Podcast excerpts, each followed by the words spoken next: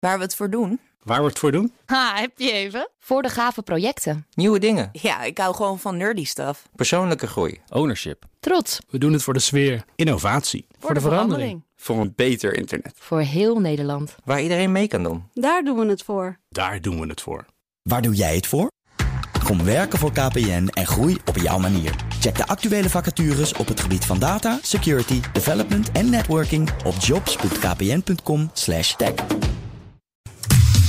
Wetenschap vandaag. Ons lichaam, dat is waar we het deze week over hebben met wetenschapsredacteur Carlijn Meinders. Toch moeten we het voor het onderwerp vandaag juist even buiten het lichaam beginnen. Bij een beestje waar we niet zo'n goede relatie mee hebben. Carlijn, take it away. Ja, ik mocht deze grap niet maken, en, maar omdat hij zo flauw is. Je hebt het toch gedaan. Maar als, omdat hij zo, als je het vaak genoeg herhaalt, is het dan toch weer. Kom maar op. Take Ja. it away. Ik wilde het vandaag hebben over teken. Dat wisten we inmiddels. Die hebben niet bepaald een goede reputatie. En terecht, want je kunt heel erg ziek worden van een tekenbeet. Dat is bekend. Maar de teek verdient iets meer credit. Want het beestje blijkt ons ook te kunnen helpen. En om die reden bestudeert onderzoeker Ingrid Dijkgraaf van de Universiteit Maastricht al enige tijd tekenspeeksel. Teken hebben hele interessante eiwitten in hun eh, speekselklieren. Eh, want ze willen bij jou, als ze op jouw lijf zitten, jouw eh, bloedstolling onderdrukken. Maar ook het ontstekingsproces, want jouw lichaam gaat meteen in de, in de aanval. Ja, en daar maken wij gebruik van op de afdeling eh, biochemie in Maastricht. Hoe komen ze hierachter? Ja, dat was eh, in dit geval een beetje toeval. Dijkgraaf werkte aan de vervetting van slagaderen. Dan is er sprake van een afzetting van plak. En dat is eigenlijk een chronische ontsteking in het menselijk lichaam. En eh, heel veel chemokines zijn erbij betrokken. Chemokines zijn eiwitten die ontstekingscellen aantrekken.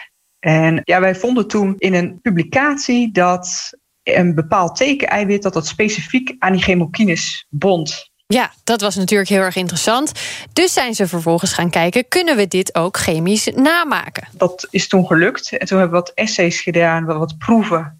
En daar bleek dat, dat, dat het gewoon echt heel goed bond aan die chemokines. En dat het de, de chemokines ook uitschakelde.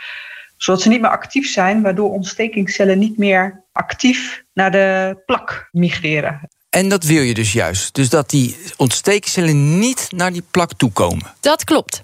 Plakvorming in de aderen, in de slagaderen, is eh, een chronische ontsteking.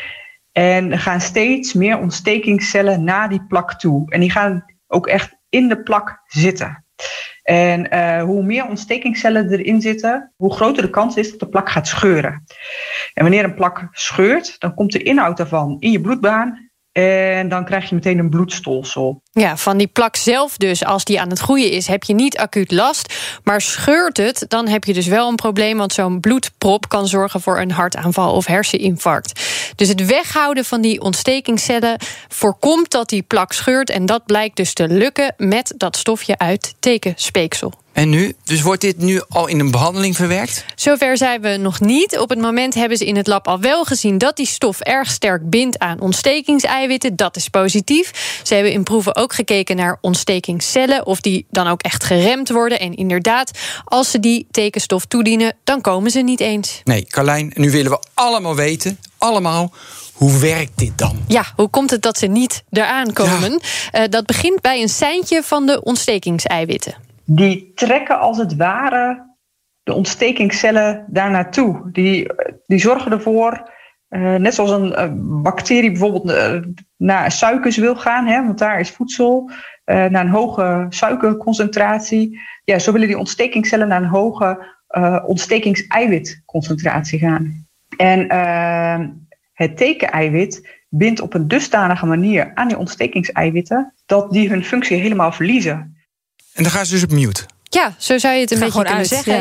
Ja. Ze kunnen niet meer om hulp roepen, zeg maar. Nou is eh, dit niet het enige eiwit waar ze naar kijkt. Eh, ze kijkt ook naar tekeneiwitten die zich aan bloedplaatjes binden. Die hebben ze ook al nagemaakt in het lab. Ook heel interessant voor ons, want dit zou bloedstolling tegen kunnen gaan. En daarmee zou je trombose kunnen behandelen. Daar zijn al wel medicijnen voor op de markt, maar er is nog ruimte voor verbetering. Met name wanneer je bloedverdunners gebruikt. eh, ja, de naam zegt het al. Eh, bloedverdunners, je hebt dan ook de neiging tot bloeden. Dat is een hele delicate balans. En wij hopen dan nu met bepaalde eiwitten toch zulke constructen te maken dat ja, de patiënt niet gaat bloeden. Ja, en de natuur, hè, die is altijd Ja. weer beter. Ja, eh, neem zo'n eiwit. Dat heeft zich miljoenen jaren kunnen optimaliseren. En daar maken wij dan nu weer gebruik van. We halen trouwens ook inspiratie uit iets als slangengif voor het maken van medicijnen. eh, slakken, daar wordt ook naar gekeken. Met name wat betreft pijnbestrijding. Dus ja, we kunnen nog steeds heel veel leren Ik van haal, de natuur. ik haal ze er wel gewoon uit hoor, als ik een take zie. Allemaal goed en aardig dat het eh, Je, je kunt, nuttige je kunt zijn. dat, dat speeksel ook zelf uit een teek halen. Oh, hoe doe je dat Ehm, dan? In een lab. En zo heb je wel instrumenten voor nodig. Maar dan krijg je zo'n kleine hoeveelheid... dat ze het veel beter gewoon chemisch na kunnen maken. Ja, en gebruiken we dit ook tegen tekenziektes? Ja, we zijn nu heel eh, positief over die teken geweest. Maar eh, je kan er nog steeds hartstikke ziek van worden.